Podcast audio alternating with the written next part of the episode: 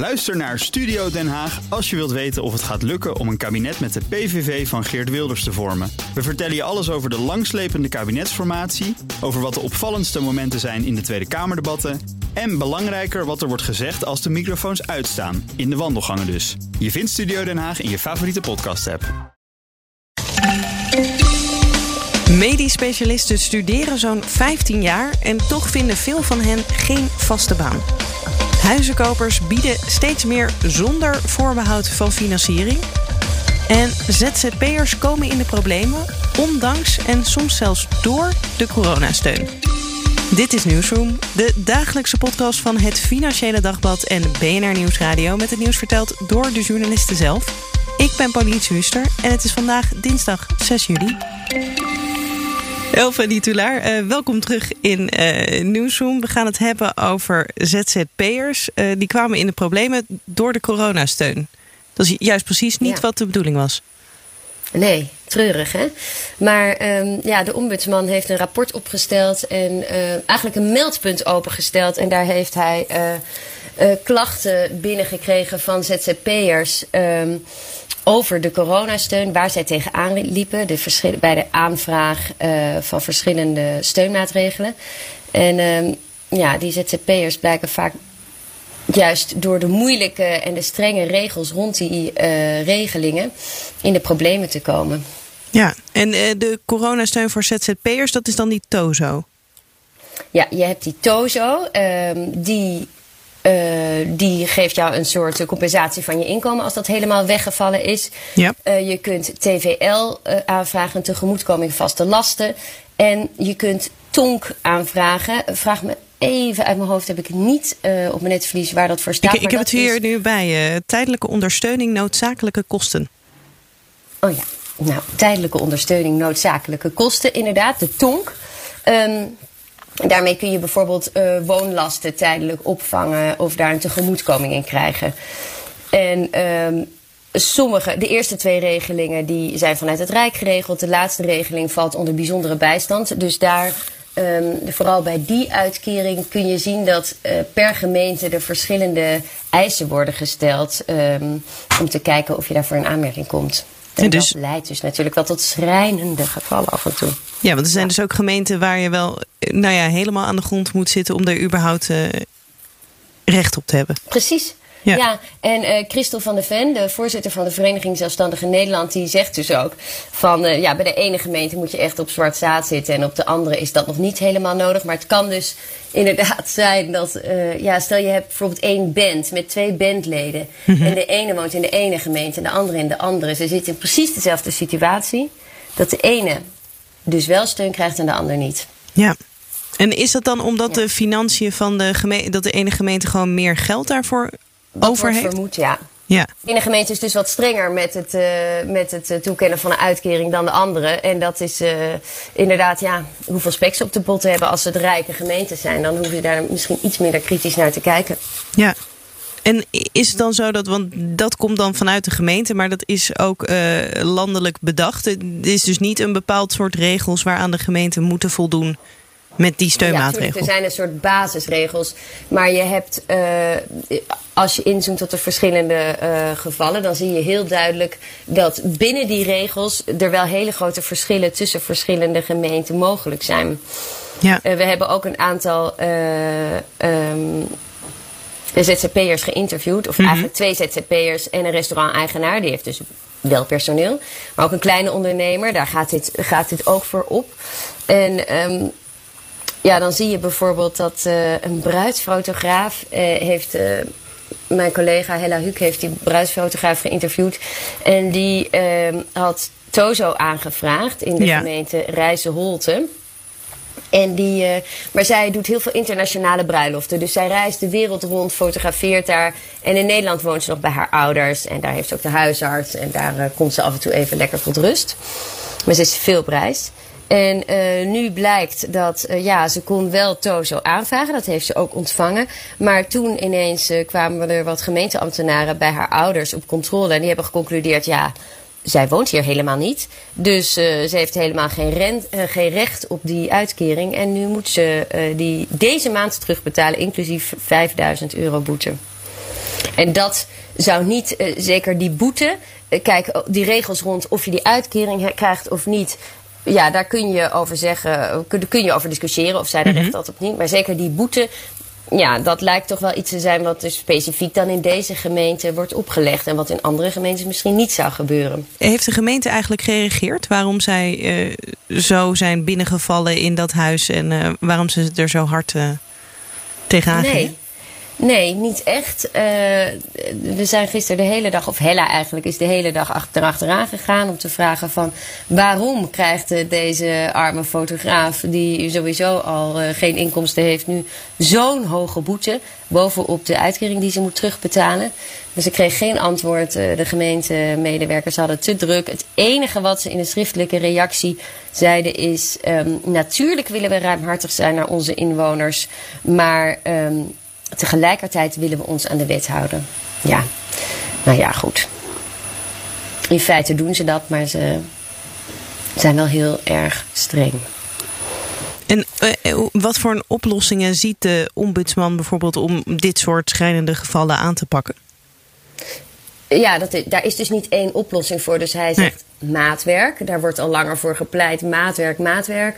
Um, je kunt je misschien nog wel herinneren, bijvoorbeeld ook uh, bij de aanvraag van die uh, steun, dat veel bedrijven last kregen, of ZZP'ers last kregen, omdat ze bij de Kamer van Koophandel net onder een verkeerde code stonden oh, ja. ingeschreven. Ja. Een SBI-code heet dat. En dan de ene code, als je bedrijf viel onder de ene code, dan krijg je wel steun. Maar als je toevallig net door om een bepaalde reden onder de andere code viel, dan kreeg je geen steun. Terwijl je daar misschien toch wel in de praktijk recht op had, omdat al je inkomsten waren weggevallen. Nou, dat is zo'n typisch bureaucratisch uh, geval, waar, wat nu wel redelijk goed is opgelost, wat nu veel makkelijker aan te pakken is en er wordt veel soepeler naar die codes gekeken. Uh, maar dat toont wel aan dat, ja, die ZZP'ers, dat is zo'n diverse groep, dat je moet gewoon af en toe inzoomen op ja, toch wel een geval. En zeker bij de afhandeling. Kijk, bij het aanbieden van die regeling, dat moest gewoon snel, hapsnap gebeuren bij het aanvragen. Maar bij de afhandeling of bij het terugbetalen moet echt meer gekeken gaan worden. Hoe um, kan dit uh, geval, hoe kan deze ondernemer uh, zo geholpen worden dat hij en eventueel te veel ontvangen steun en belastingen terug kan betalen, maar ook om te voorkomen dat niet failliet gaat, want dat is uiteindelijk toch wel het doel. Ja, want ik kan me voorstellen dat ook uh, veel van deze uh, ZZP'ers uiteindelijk bij de schuldhulpverlening van de gemeente terechtkomen. Ja, ja, en de ombudsman waar wij nu over schrijven, die was dus eigenlijk, dit hele onderzoek, begonnen naar hoe gaat dat eigenlijk met die ZZP'ers in de schuldhulpverlening en uh, krijgen zij wel de hulp die ze nodig hebben. Um, als onderdeel van het onderzoek wat hij daarnaar startte, dit staat trouwens niet in het artikel, maar het, maar het is een interessant achtergrond, weet je. Opende hij dus dat loket. En daar kwamen dus deze 500 klachten binnen over überhaupt de regelingen zelf. En toen dacht hij, ho ho, wacht even. Voordat ik met mijn onderzoek... Um, voordat ik met mijn onderzoek naar de schuldhulpverlening uh, begin, moet ik eerst even in kaart brengen naar wat voor problemen nog meer aanlopen. Maar nu gaat hij dus inderdaad uh, verder met die schuldhulpverlening. Want vanaf komend najaar uh, gaat de belasting, uh, achtergestelde belastingen innen. Gaat er gekeken worden wat er eventueel te veel is uitgekeerd. En zal dus het aantal ZZP'ers wat in de schuldhulpverlening terechtkomt oplopen. Ja, en tegen die tijd uh, is er misschien wel weer een verhaal uh, dat de ombudsman zegt dat uh, er grote verschillen zijn in hoe gemeenten schuldhulpverlening aanpakken. Precies, ja, want er, zijn dus, er schijnen dus, zei hij gisteren al, er schijnen gemeenten te zijn die zeggen ja, als ZZP'er heb je geen recht op hulp bij als je in de schulden zit, want je bent ondernemer en dat is je eigen verantwoordelijkheid. Mm -hmm. Eigenlijk zijn gemeenten geloof ik wel verplicht om die hulp dan te bieden. En waarom dat dan niet wordt gegeven altijd, dat kon hij ook nog niet vertellen. Maar ja, dat onderzoek dat gaat nog komen. En dat wordt inderdaad dan wel weer een volgend verhaal. In eerste instantie uh, heb ik uh, eerst maar eens uh, het vooral heel zakelijk opgeschreven wat er nou ongeveer aan de hand is. En nu, toen waren ze al bezig met die cijfers, maar die kreeg ik toen nog niet. Uh, en nu heb ik de cijfers wel gekregen en toen heb ik er dus nog een vervolg op gemaakt. En toen kon ik ook. Ik wilde al in eerste instantie al graag die persoonlijke verhalen erbij zetten, maar dat kon toen niet en nu wel. Dus daarom het tweede verhaal eigenlijk. Maarten van Pol, en jij schrijft bij het FD over zorg. En we gaan het hebben over jonge dokters die maar niet aan een baan kunnen komen. Nou, dacht ik zelf altijd, als je medicijnen gaat studeren, dan komt het sowieso wel goed en dan is je baankans wel verzekerd. Maar als medisch specialist valt dat dus wel tegen. Ja, ik dacht het zelf ook. Ik heb het zelf namelijk ook ooit nog gestudeerd, een halfjaartje. Uh, dus die aanname had ik toen ook. Ehm, en wat er eigenlijk vooral aan de hand is, is dat uh, veel jonge medisch specialisten geen vaste baan kunnen vinden. Dus er zitten er uh, vrij weinig uh, zitten er werkloos thuis. Ze zijn er wel. Ehm, maar het, ze, ze zijn vooral aangewezen eigenlijk op tijdelijke banen.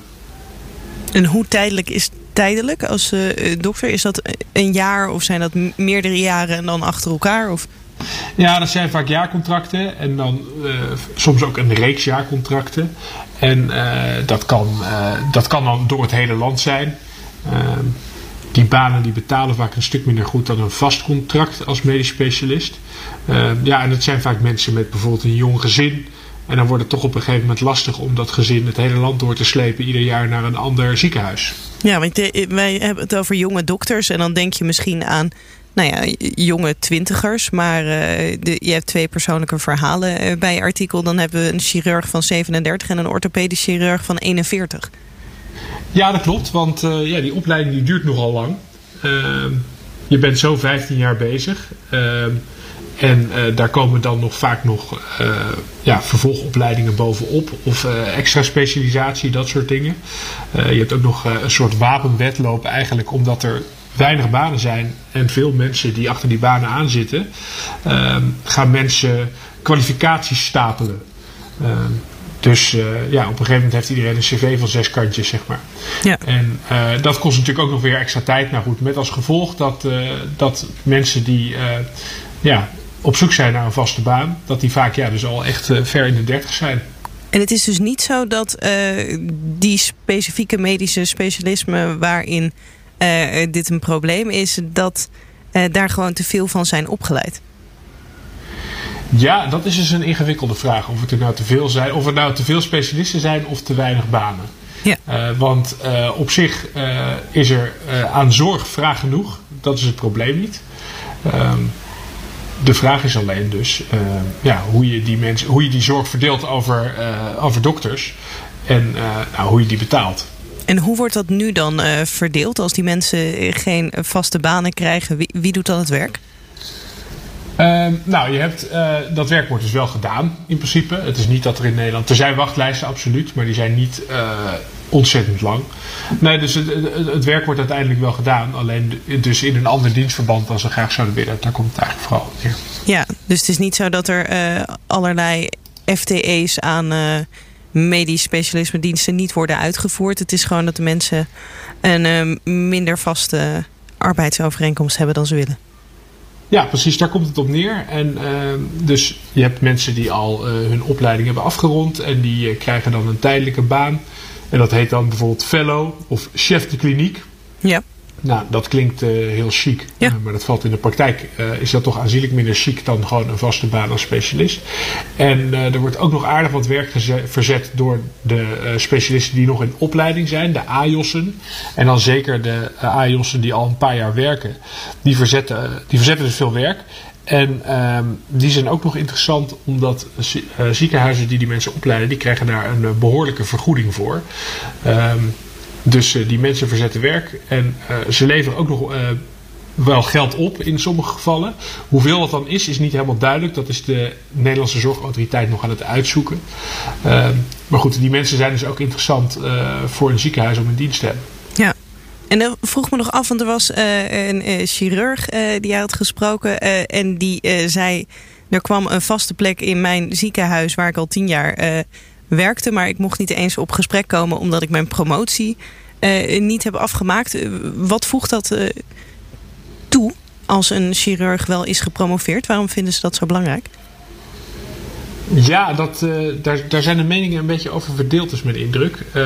want die promoties die gaan helemaal niet altijd over het onderwerp uh, waar, waar, of, het, over het vakgebied waar je uiteindelijk in gaat werken. Dat kan natuurlijk wel, uh, maar dat hoeft helemaal niet per se. Dus uh, ja, volgens sommige mensen is dat dan weer ja, onderdeel van die wapenwetloop die ik al noemde. Dat het een soort ondergrens wordt eigenlijk. Ja. Dat, dat je zonder promotie al niet meer meetelt. Ja, maar er zijn genoeg mensen die zeggen: ja, ben ik nou een minder goede chirurg omdat ik niet drie jaar lang promotieonderzoek heb gedaan? Ja. nou, misschien wel helemaal niet. Dus ehm, nou, dat, dat, dat, dat is een factor die, die mensen ook wel dwars zit. En gewoon niet iedereen ja, wil promoveren. Of niet, en het ligt misschien ook niet iedereen even goed, maar dat zegt dan niet zoveel over uh, hoe goed ze zijn in hun vakgebied. Ja, en uh, dit verhaal wat je vandaag hebt geschreven, dat uh, is, de cijfers zijn gebaseerd op een enquête van de Federatie Medisch Specialisten en de Landelijke Vereniging van Artsen in dienstverband.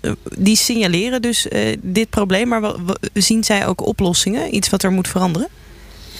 Nou, uh, signaleren dat is eigenlijk al wel langer aan de gang. Dus het is mhm. niet dat dit probleem heel erg nieuw is. Het, het, heeft de laatste tijd wel wat meer aandacht gekregen. Dat begint dan in, uh, in vakbladen en dat zijpelt zo langzaam door naar de uh, meer algemene media.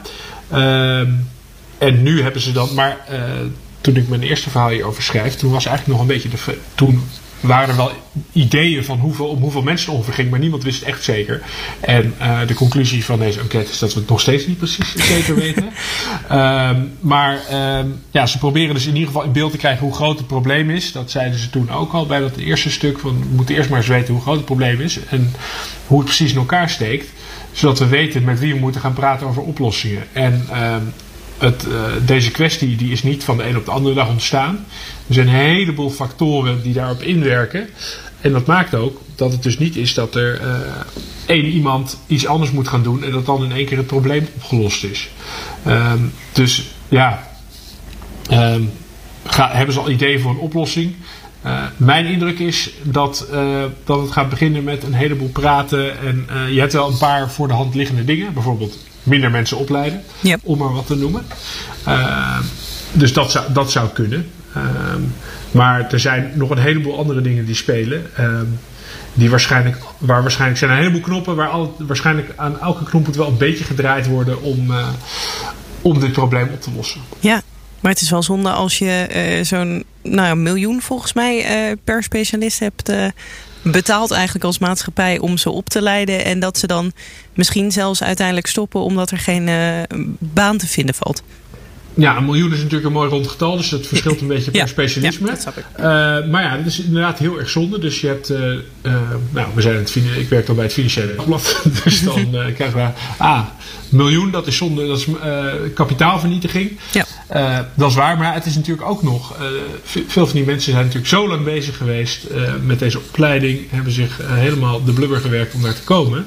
En dan is het natuurlijk toch ook wel een persoonlijk drama als het dan vervolgens gewoon niet gaat. En dat dat niet is omdat je je papiertje niet hebt gehaald. Want dat hebben ze dus al, ja. deze mensen. Maar vervolgens blijkt het dus dan niet te lukken om een baan te vinden.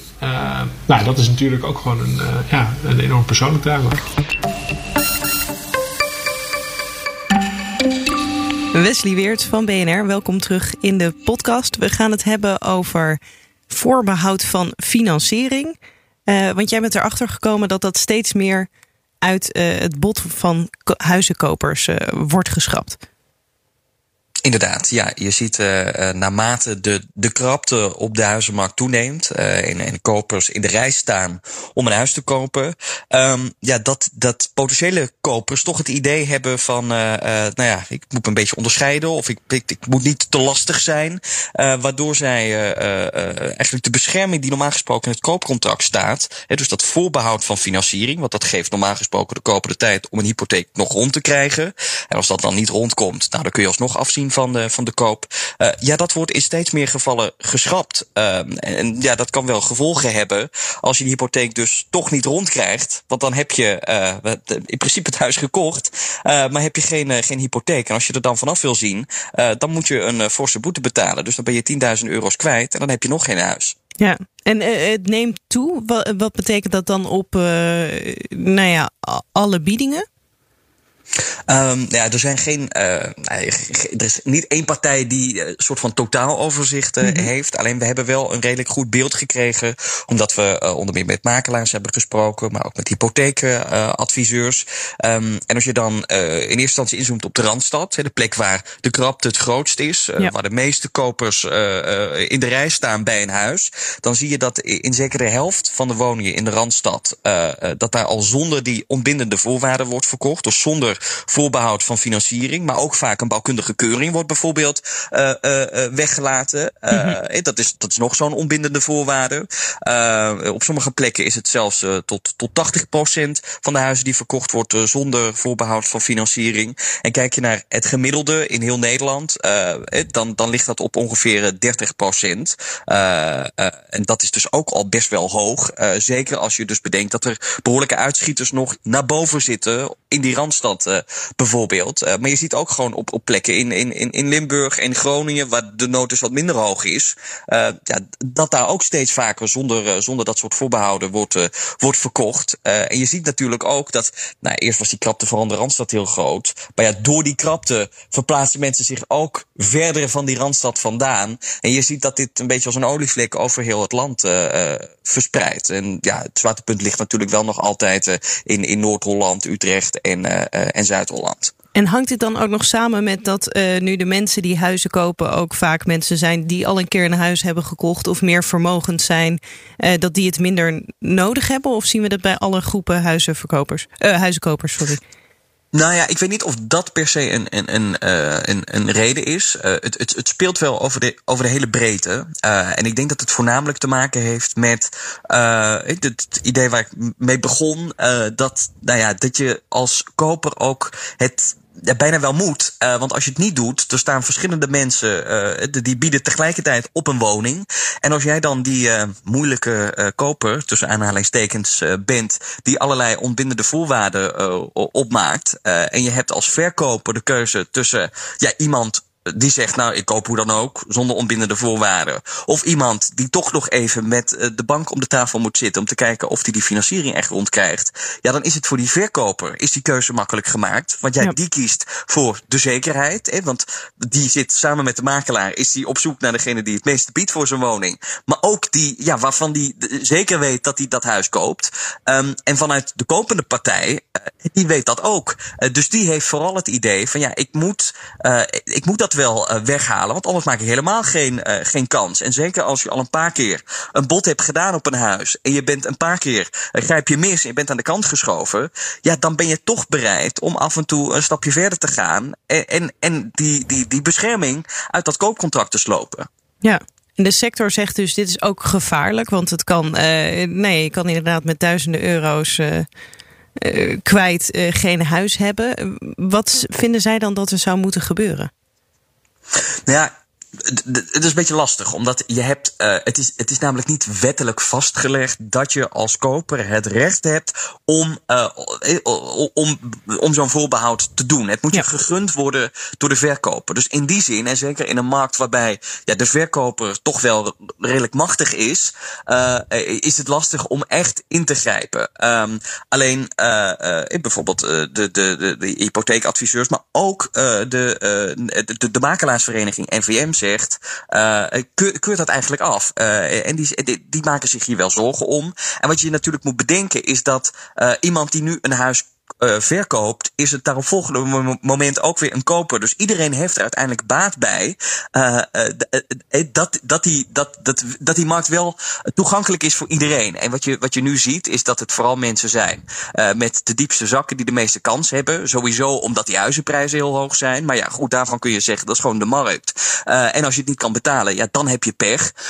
maar op het moment dat je hetzelfde bedrag biedt, zou je, zo, zegt, zo zegt bijvoorbeeld Vereniging Eigen Huis. En die komt op voor, hè, voor de belangen van, -hmm. van huizenbezitters, maar ook nieuwe potentiële huizenbezitters. Die zegt van ja, het moet wel zo zijn dat iedereen uh, evenveel kans heeft op zo'n huis. En wat je nu ziet, is dat die kansen dus niet eerlijk verdeeld zijn. Omdat ja, op het moment dat je uh, ontbindende voorwaarden uh, opneemt in het koopcontract. En, en laten we vooropstellen, dat zijn best wel normale ontbindende voorwaarden. Dat zijn geen gekke dingen, want je koopt toch een huis van een paar ton. dan moet het niet zo zijn, zo vinden zij, dat, uh, dat iemand die, die, die onbindende voorwaarden niet stelt, een veel grotere kans heeft om dat, om dat huis te krijgen. Dus uh, even wat, nou, waar een aantal partijen wel wat voor voelen, onder meer de hypotheekshop, is dat, dat er bijvoorbeeld een, een, een soort van periode komt van een week of drie, waarin je nog af kunt zien van die koop. Mm-hmm. Op het moment dat je die financiering dus niet rondkrijgt. Er is wel al een, een, een wettelijke bedenktijd van, van drie dagen. Maar da daarnaast zou dan een periode moeten zijn waarin jij de tijd krijgt om nog even met jouw geldschieter om de tafel te zitten. Zodat jij, ja, als toch blijkt dat, nou ja, dat, dat de bank niet over de brug komt, om wat voor reden dan ook, dat je toch op die reden af kan zien van het. Dus niet dat je dan binnen die drie weken kan zeggen, ja, ik heb uh, toch geen zin om dat huis te kopen. Daar moet dan wel dus echt een reden voor zijn. En zo'n reden kan dus zijn dat je dat geld niet krijgt van de bank. Um, en, en daar zit de hypotheekshop wel, wel wat in. Maar de vraag is of dat echt haalbaar is. Omdat ik sprak ook dus Vereniging Eigen Huis. Mm -hmm. En die zegt, ja, we hebben al super hard moeten knokken om überhaupt die drie dagen bedenktijd te krijgen. Dus ja, het lijkt hen redelijk onrealistisch uh, dat daarnaast dan ook nog een periode van een aantal weken komt waarin je dus af kunt zien van de koop op het moment dat je bijvoorbeeld de financiering niet rondkrijgt het is, het is een goed idee, een mooi idee, uh, maar ik denk dat dat in de praktijk niet, niet gaat gebeuren. Uh, en, en wat je ook moet, uh, moet beseffen, kijk, nu is het vervelend voor die, voor die, voor die koper, want die moet concurreren tegen nog tien andere kopers. Um, maar ja, een paar jaar geleden waren de rollen natuurlijk ook omgedraaid. Hè? Net na de crisis of in de crisis, toen was een huizenverkoper blij dat hij een koper had. En toen was het heel normaal en toen was het heel logisch dat je onbindende voorwaarden kon stellen. En dat deed ook niemand moeilijk over. En nu zijn gewoon die rollen omgedraaid, omdat die krapte zo groot is. En ja, het ene moment uh, komt die verkoper er beter vanaf, en het andere moment komt die koper er beter vanaf. Ja, en nu is het even een, een, een zure periode voor die koper, want die heeft gewoon weinig te willen, omdat er veel mensen tegelijkertijd zo'n woning willen kopen. Ja, nou dan moeten ze zich dan uh, ook maar een beetje bij neerleggen misschien. Um, ja, nou ja, de, deels wel, want dat is gewoon hoe dat de markt nu fungeert. En je kunt natuurlijk vooraf uh, wel uh, uh, nou, het, het risico zoveel mogelijk verkleinen. Dat achteraf toch blijkt dat die financiering niet rondkomt. Kijk, zo'n financiering kan om tal van redenen niet, rondko niet rondkomen. er kan bijvoorbeeld veel achterstallig onderhoud zijn op zo'n woning. En, en, dan wil de bank niet, niet financieren. Het kan ook zo zijn dat, dat, dat niet heel je inkomen wordt meegenomen. Omdat je bijvoorbeeld een tijdelijk contract hebt of veel overwerkt. En zeker in dat laatste geval uh, dat zijn toch dingen die je normaal gesproken vooraf ook uh, uh, nou, kunt voorkomen. Door je goed voor te laten lichten. Door met een financieel adviseur om de tafel te zitten. Te kijken wat zijn de mogelijkheden. En dus niet alleen maar naar een website te gaan. En daar tien vragen in te vullen. En daar komt dan je, je, je mogelijke hypotheekbedrag uit. dus dat je ook echt wel wat meer doet dan dat. Daarmee kun je echt wel al heel veel voorkomen. En kun je narigheid achteraf ook voorkomen. En, en, dan kun je toch dat, dan, kun je, nou, dan kun je vaak toch dat voorbehoud schappen zonder dat je een al te groot, uh, groot risico loopt. Uh, en, en je, je moet ook niet overdrijven. Uh, want het is wel zo dat, uh, dat heel vaak nu uh, die, die, die, dat voorbehoud van financiering eruit wordt, wordt gehaald. Maar dat betekent niet dat mensen op een hele grote schaal in de problemen komen. Want je ziet in de praktijk toch dat mensen zich goed voorbereiden. Waardoor mm -hmm. ze niet uh, achteraf voor, nou, voor onvoorziene dingen komen, komen te staan. En ook als dat dan uh, als mensen misschien wel goed voorbereid zijn uh, of niet, uh, maar achteraf toch geconfronteerd worden met een geldschieter die niet over de brug wil komen, dan zie je dat koper en verkoper er soms toch ook wel gezamenlijk uitkomen, waardoor je niet die boete, want die boete is 10% van de koopsom, en als je een huis koopt van, van 3 of 4 ton, dan is dat dus tienduizenden euro's. dan zie je soms ook wel dat koper en verkoper er alsnog uitkomen, ook al kan je dus als koper uiteindelijk dat huis niet betalen. dus het is nog niet zo dat, dat we uh, uh, jaarlijks tienduizenden kopers hebben die nou ja, met hun handen in het haar zitten omdat ze een flinke boete moeten betalen en zonder huis zitten. Dus dat is misschien nog wel een, een, klein positief punt om mee, mee af te sluiten. En met die toch wel hoopvolle boodschap eindigen we Nieuwsroom voor vandaag. Morgen is Mark Beekhuizer weer. En wil je reageren op deze aflevering of een van de andere afleveringen... dan kan dat altijd. Nieuwsroom.bnr.nl en nieuwsroom.fd.nl. Namens Mark heel graag tot morgen.